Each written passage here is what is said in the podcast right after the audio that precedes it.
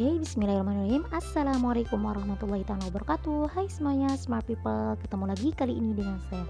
Perkenalkan, nama saya Castrena Khairunisa Saya dari Fakultas Ekonomi dan Bisnis Universitas Cenabadra, Yogyakarta. Oke, pada kesempatan kali ini Pada kesempatan sore kali ini Saya akan menjalankan salah satu tugas Yaitu tugas ujian tengah semester Semester 4 Mata kuliah Ekonomi Perdesaan Dosen pengampu Pak Ridwan Oke, langsung saja di sini ada soal yang keenam. Di soal di dalam soal yang keenam ini ada tiga poin soal. Poin soal yang pertama itu jelaskan yang dimaksud dengan kewenangan desa. Oke, langsung saja saya akan menjawabnya. Yang pertama, kewenangan desa merupakan ruh utama undang-undang desa untuk mencapai desa mandiri. Ketidakjelasan dan ketidaktegasan atas kewenangan desa akan berakibat buruk kepada desanya. Atau dapat dipahami bahwa kewenangan desa diartikan sebagai kekuasaan dan tanggung jawab desa sebagai entitas hukum atau eh entitas hukum untuk mengatur dan mengurus desa. Oke, di poin yang kedua, apa saja yang menjadi kewenangan desa? Baik berdasarkan hak asal usul maupun kewenangan lokal berskala desa jelaskan disertai contoh oke okay?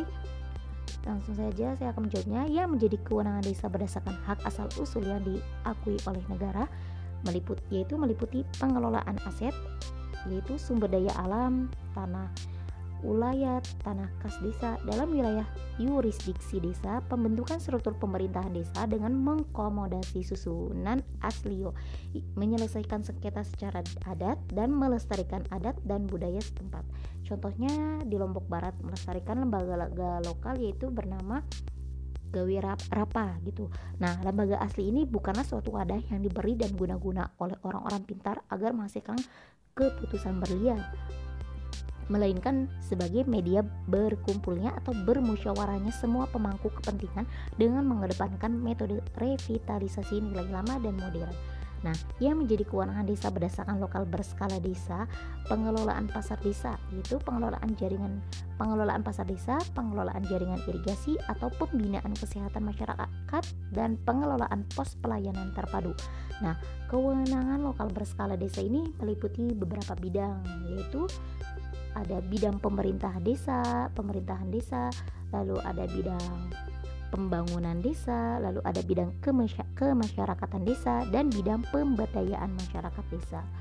Oke, lanjut ke poin soal poin yang ketiga itu apa saja dampaknya terhadap pembangunan desa dengan adanya pengakuan atas kewenangan desa. Oke, langsung saya, saya akan jawabnya.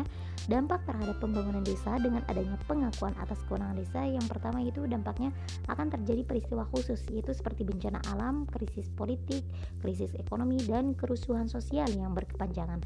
Yang kedua itu akan terdapat perubahan mendasar atas kebijakan pemerintah, pemerintah daerah provinsi atau pemerintah daerah kabupaten atau kota. Mungkin hanya ini saja yang dapat saya sampaikan. Kurang lebihnya mohon maaf karena kesempurnaan hanyalah milik Allah semata. Wabillahi taufiq wal hidayah wasta'fikum. Wassalamualaikum warahmatullahi wabarakatuh. Ketemu lagi di episode berikutnya.